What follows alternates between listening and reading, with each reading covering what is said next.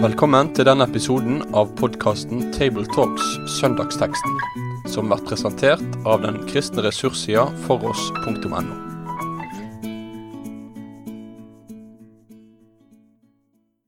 Da er det en glede å igjen ønske velkommen til eh, Table Talks-podkasten. Det er gruppen i Bergen som snakker i dag, og vi skal snakke om teksten for 15. søndag i treenighetstiden. Rundt bordet her sitter Rolf Kjøde, som er leder for eierkontakt ved NLA-høgskolen. Jon Magne Sønstadbø, som er prest i Delk sin menighet her i Bergen. Og mitt navn er Tarjei Gilje, og jeg er til daglig redaktør i Dagen. Jeg er litt fornøyd med egen innsats denne gangen, her, for jeg har sendt ut eh, spørsmålet til de to andre faktisk en hel dag før opptaket. Det er altså et vesentlig fremskritt fra tidligere, så får vi se om det varer ved. Men langt viktigere enn det er dagens eh, tekst, som er hentet fra Matteus kapittel 27, kapittel 7 vers 24 til 28, og det er Rolf som leser. Den som hører disse ordene mine og gjør det de sier, likner en klok mann som bygde huset sitt på fjell. Regnet silte, elvene flømde, og vindene bles og slo mot huset. Men det fall ikke, for det var tufta på fjell. Men den som hører disse ordene mine og ikke gjør det de sier, likner en uforstandig mann som bygde huset sitt på sand. Regnet silte, elvene flømde, og vindene bles og slo mot huset. Da fall det, og fallet var stort. Da Jesus hadde fullført denne talen, var folket fulle av undring over læra hans, for han lærte dei med myndig tale, og ikke som deira skriftlærde. Disse versene avslutter det som vi kaller for eh, bergpreken.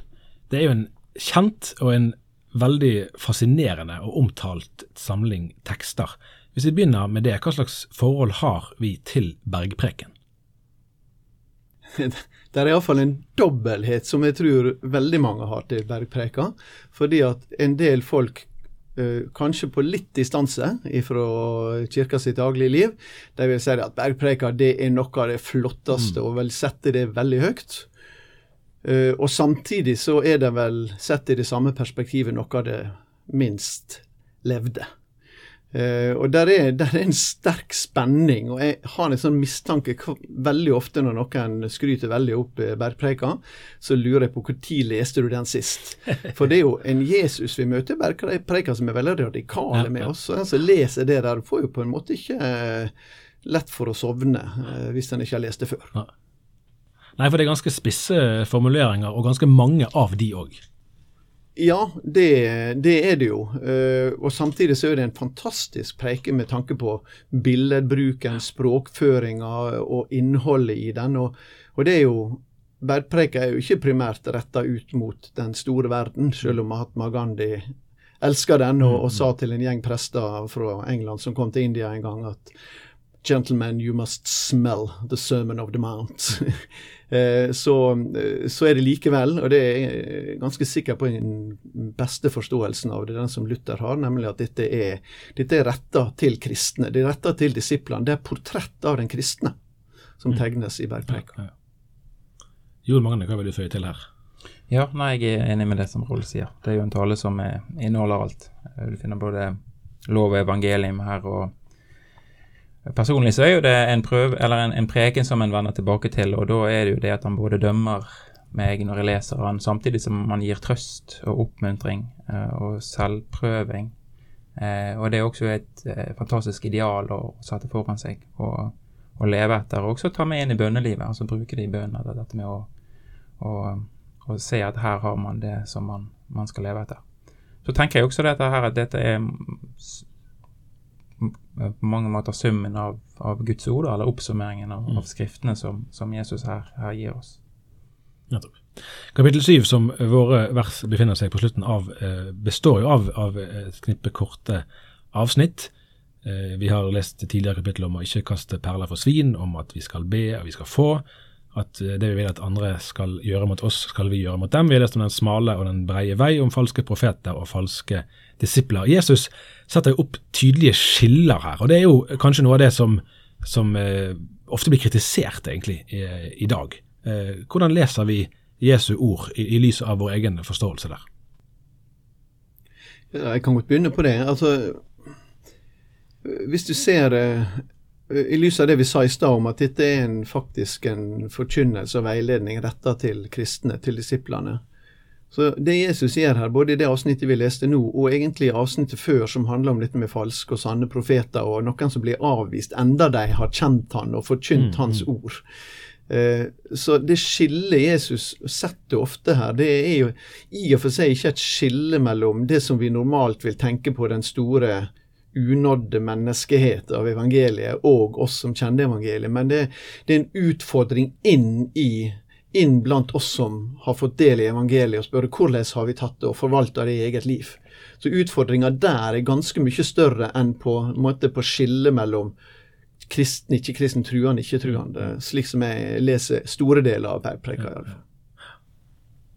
Faren er jo eh, tenker jeg, dette med at vi kan ikke lese det så, veldig selektivt heller. Sant? Det er jo lett for det når du møter slike, slike taler, at en velger ut de tingene som en liker, og så holder en vekk, eller tar en bort andre. da. Eh, men, men, jeg tenker det er jo det er jo mer enn en moralpreken, dette her. Eh, fordi at de idealene som, som tegnes opp, de er, eh, de er harde. Mm. Og vi, vi, dømmes alle sammen av dette her. Så, og det er, eh, det er de ordene skal stå slik som de står, og få virke sånn som eh, Jesus har tenkt å tale. Og så tenker jeg at bergpreken, den må vi um, vi må på en måte ta med oss innledningen av bergpreken inn i alle disse ulike momentene mm. som er der. For det er jo det bergpreken gjør med oss. Han gjør oss fattige og ja, ja. i ånden, sant, og svake og hungrende og tørstende og mm. fattige og, og syke. Eller ikke syke, men, men, men, men, vi føler oss svake i møte med disse ordene her. Så både innledningen og avslutningen tror jeg må, må henge sammen ja, og, og, stå der som uh, noe vi tar med oss. For vi vil jo kanskje tenke i dag, eh, mange, at uh, Sant? Det er et mål å bygge broer og ikke murer, og, og, og Jesus blir sett på som en, en fredsskaper sant? og et forbilde for det. Og det har det jo vært i mange politiske sammenhenger. uh, mens vi i dag vil jo, det er vel nesten ingen som vil være så frimodige å, kalle noen for falske profeter. Selv ikke i debattspraten i dag forekommer det spesielt ofte lenger. Det var nok oftere før.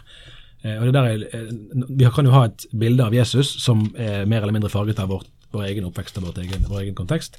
Mens her tenker jeg at han bryter litt med noe av det bildet, da, i hvert fall, eh, når han så tydelig snakker om at det er to kategorier. Og den ene er reelt noe annet enn den andre. Og Da kan vi lure på hva vi, hva vi lærer av det.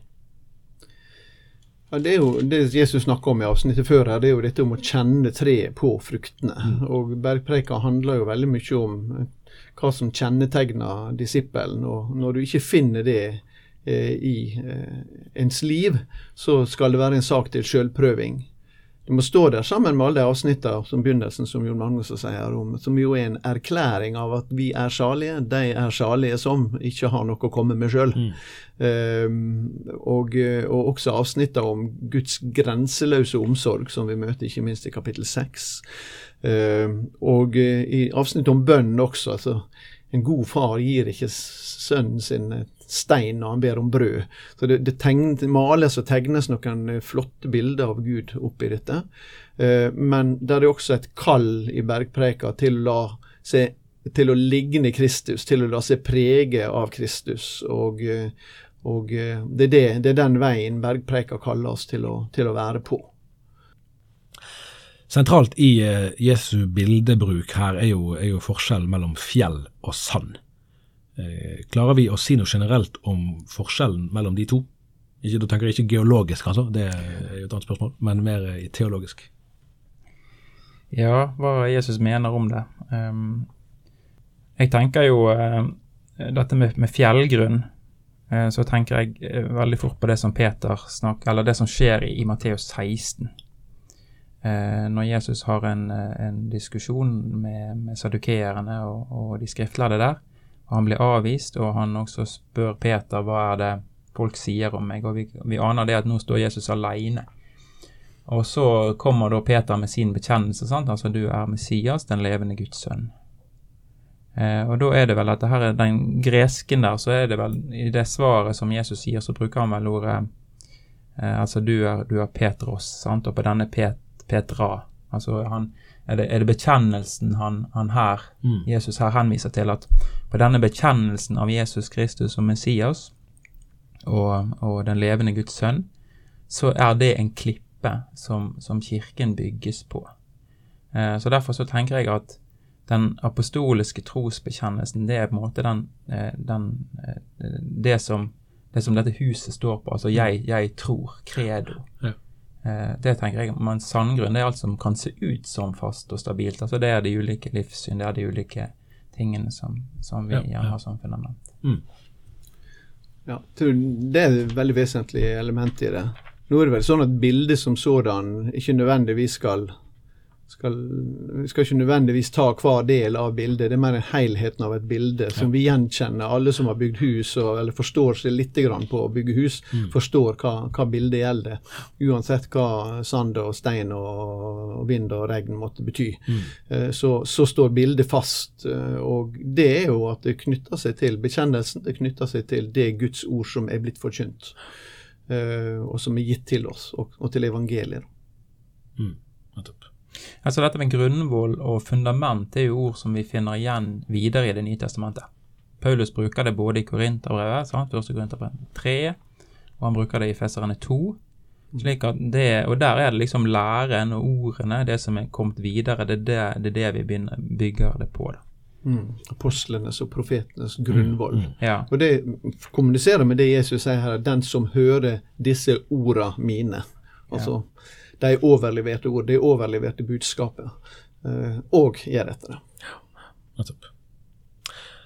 Så handler teksten vår om en klok og en uforstandig mann. Eh, Jeg husker jeg har sunget noen barnesanger om det her, det har sikkert vi alle tre gjort. Eh, Hva kan vi gjøre i virkeligheten for å være som den kloke mann? Ja, vi, vi vandrer litt som i det samme landskapet her. Vi, vi er jo og jeg tipper mange av de som hører på denne samtalen som vi har her nå, også er mennesker som i stor grad har mottatt ganske mye. Mm. Vi, har, vi har fått mye Guds ord inn i livet våre. Um, vi, er, vi er rike på den måten på Guds ord at vi har stor tilgjengelighet på det. Uh, og uh, vi, vi er ikke kloke fordi vi har tilgjengeligheten på det. Men i det øyeblikket det tas inn i livet våre, så det får gjøre sin gjerning i livet våre, eh, da er det vi er i posisjon til den kloke mannen. Hvis vi bare lar orda og budskapet og evangeliet være der rundt oss, men at ikke våre liv lar seg transformere eh, av det, og av Guds ånd ved Hans ord, så, så er vi som den mann som ikke er klok. Eh, Han er ikke riktig klok, for å si det rett ut, eh, fordi at hans livsverk vil falle.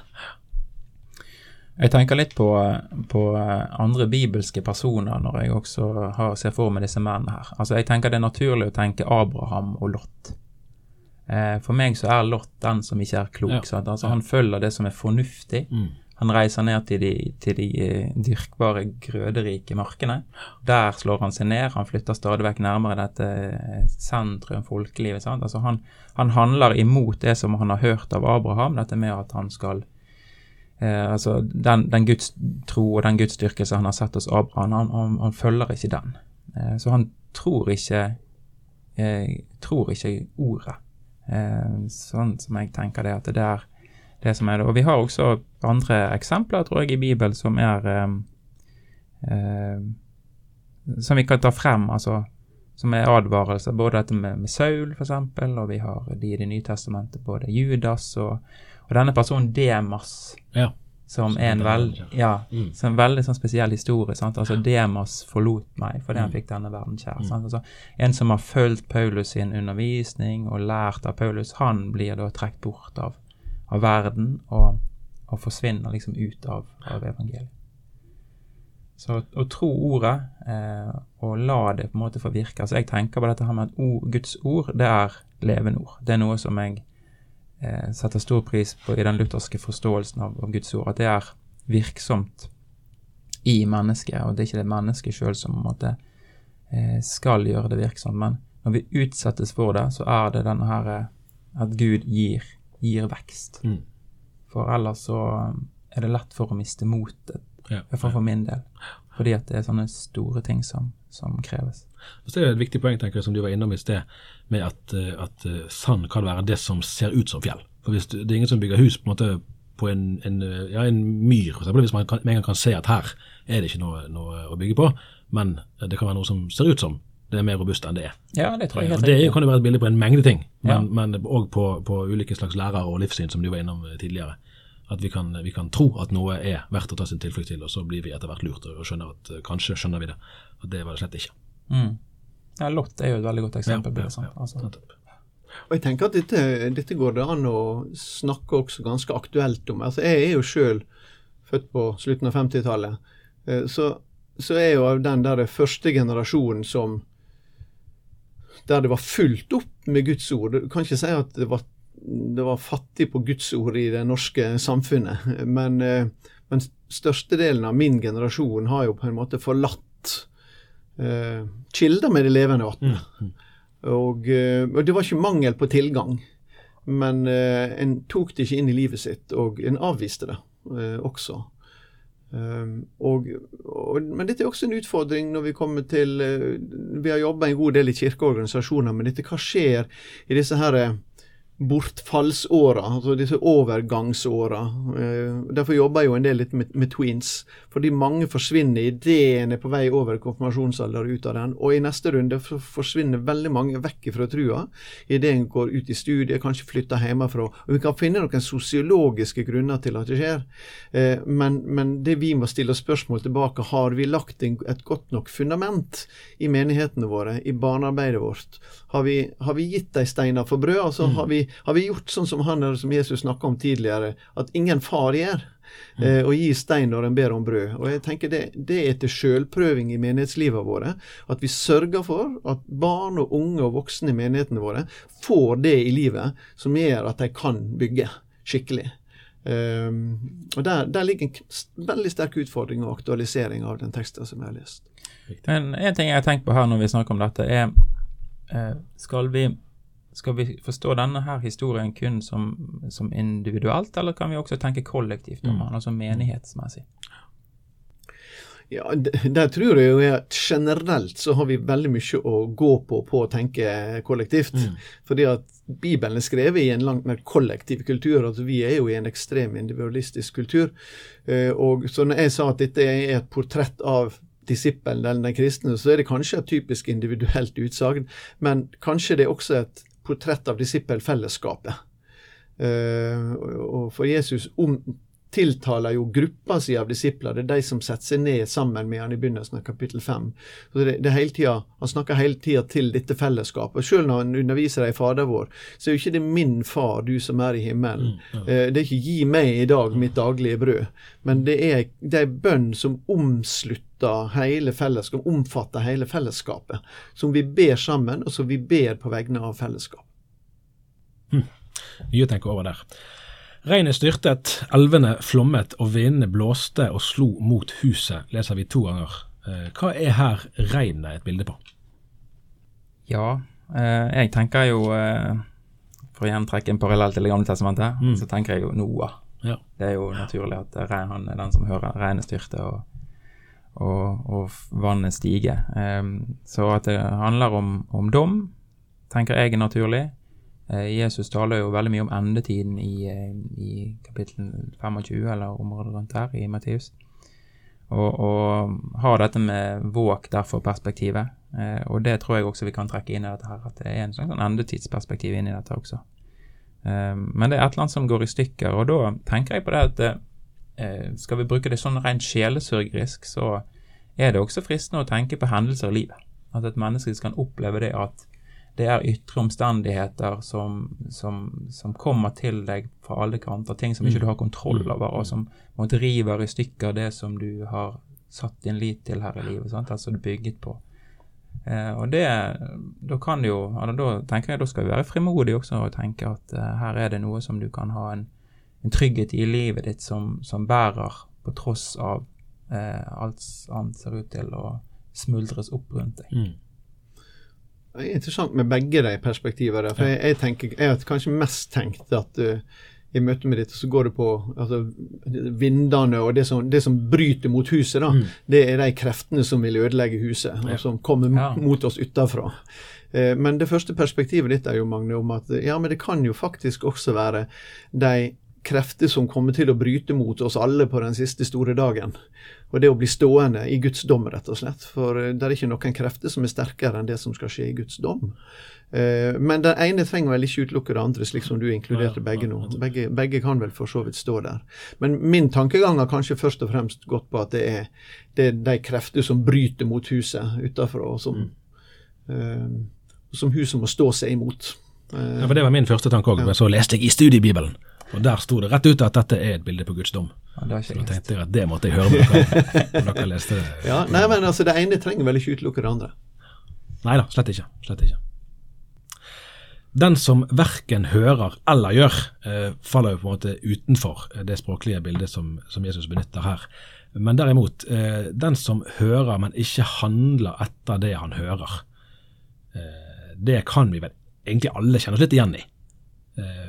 Klarer vi å si noe om hva som kjennetegner den personen? Ja, det blir jo litt motsatt av det som eh, kjennetegner den eh, kloke mannen, da. Mm. Eh, hvorfor ikke gjøre? Altså Det er jo veldig lett å fornekte realiteter. Mm. Mennesket har det i seg at vi lett gjør det. Vi, vi tror alltid at ting skal gå, gå godt. Sant? Det er derfor man kjøper lottokuponger. ja. Når du har minus på kontoen, så tenker du nå, nå vil Gud at jeg skal vinne dette, og så kjøper jeg den, og så skjer ikke det. Eh, det å leve på en sånn livsløgn eller leve i en fornektelse, det er noe som er lett å, lett å fortelle oss. Og så tenker, tror jeg også at det handler om denne eh, indre kampen som vi kan kjenne alle kristne. For det, er, det å være en kristen, det er en kamp. Sant? Det å, å være lydig eller å være ulydig, det er noe som vi kjenner på alle hver dag, nettopp sånn som du sier. Um, så um, ja, jeg tror kanskje dette med, med vantro og, og, tvil er det mm. som kjennetegner den som, som, ikke, som ikke gjør. Ja, for det er jo et, som dere sier, et veldig gjenkjennelig moment. Og det vil jo kanskje av og til, eller ofte i livet vårt, gå på at vi gi seg utslag i at vi, vi, innser at her gikk ikke det som det skulle, her mm. fulgte ikke jeg Guds ord, og så skaper det en sorg i livet mitt. Og det er jo en sorg skapt av Den hellige ånd. Den hellige ånd vil drive oss tilbake til Kristus. Eh, fordi at, eh, og, og, den møter oss ofte fordi at det, eh, det, er så mye, og hele vårt gamle menneske kan ikke. Eh, I tillegg så er det sånn at uh, vi har en tendens til ikke ville. Mm. Altså vi kan, uh, vi kan rett og slett uh, si at vi kjenner Guds vilje, men vi, vi vil ikke. Vi mm. står den imot uh, aktivt. Og der opplever vi veldig sterke kamper i Den kristne kirke i dag. Fordi at det er ikke så vanskelig å kjenne hva Guds ord taler til oss.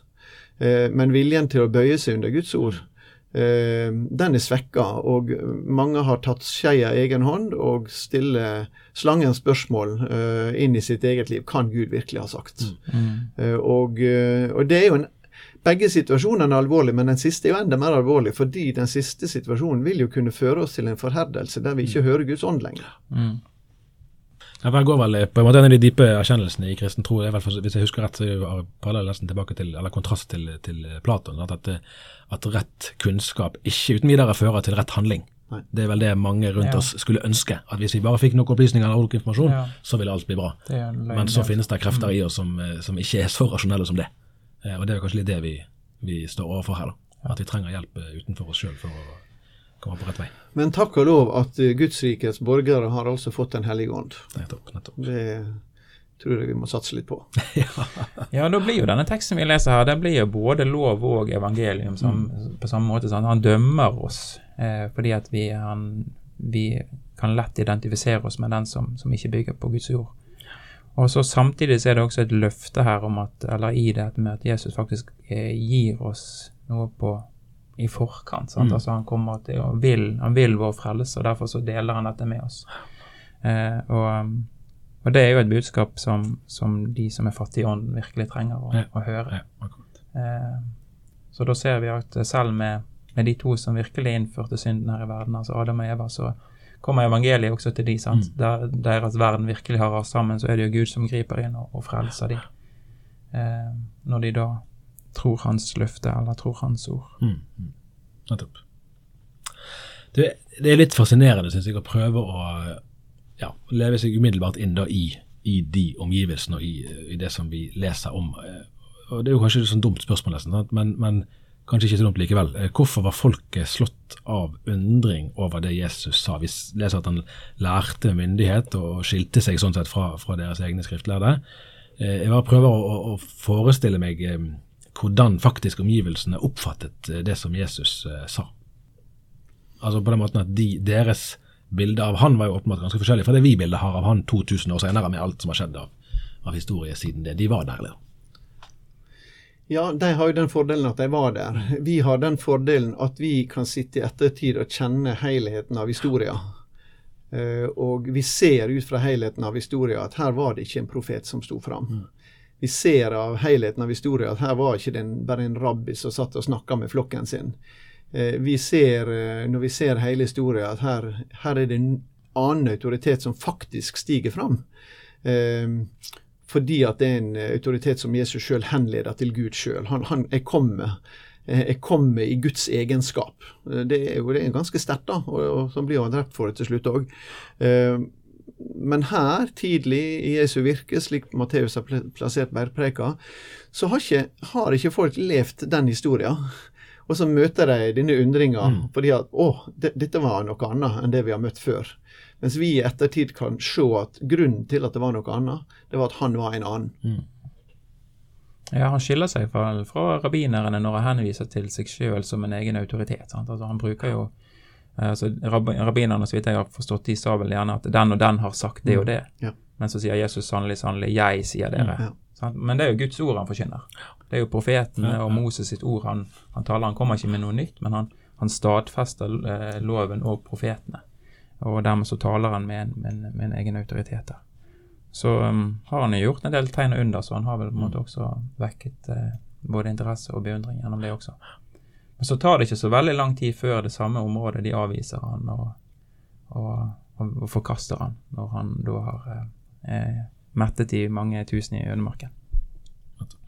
Ja, og som du sa i stad, det skjer på et punkt der han må spørre disiplene sine eh, om hvem han er. Og så kommer bekjennelsen, og så sier han noe om denne, det fundamentet, denne grunnvollen, som han også sier noe om her. Ja. Altså Når det kommer ned til kjernen av det det, hold, det, det handler om, så mister han noen, men jo får i det lange løp å skulle vinne så langt flere. da. Og det er jo også fremtiden til Kirken. Eh, at en holder fast på den bekjennelsen der. Da kan verken regn eller flom eller vind rive ned Guds menighet når den står bygget på eh, at du er Messias, den levende Guds sønn. Det er et, et, løfte som Jesus er klokkeklar på. Ja. Det, vil, det, vil, ikke falle. Og det tenker jeg, det er der alle frimodige menigheter og forsamlinger og gudsfolk skal stå fast. Jo, jeg holder fast på dette. Jeg tror. Eh, og så holder vi fast på det, for da vil ikke djevel få overtaket, eller verden få overtaket, eller kjødet oss sjøl få overtaket dødsrikets porter får ikke makt over den kirka. Altså. Amen. Her bør det passe å si amen. Ja. Og da med det kanskje sier halleluja, vi Ja, kanskje et halleluja, faktisk. da sier vi Jeg på NLA, fins det et akademisk uttrykk for det? ja, det er du som har svar på. Nei, men det er bra. Vi sier takk for oss for denne gang, og høres igjen om noen uker. Takk for at du hørte på. Med det sier vi takk for følget for denne gang. Finn flere ressurser, og vær gjerne med å støtte oss på foross.no.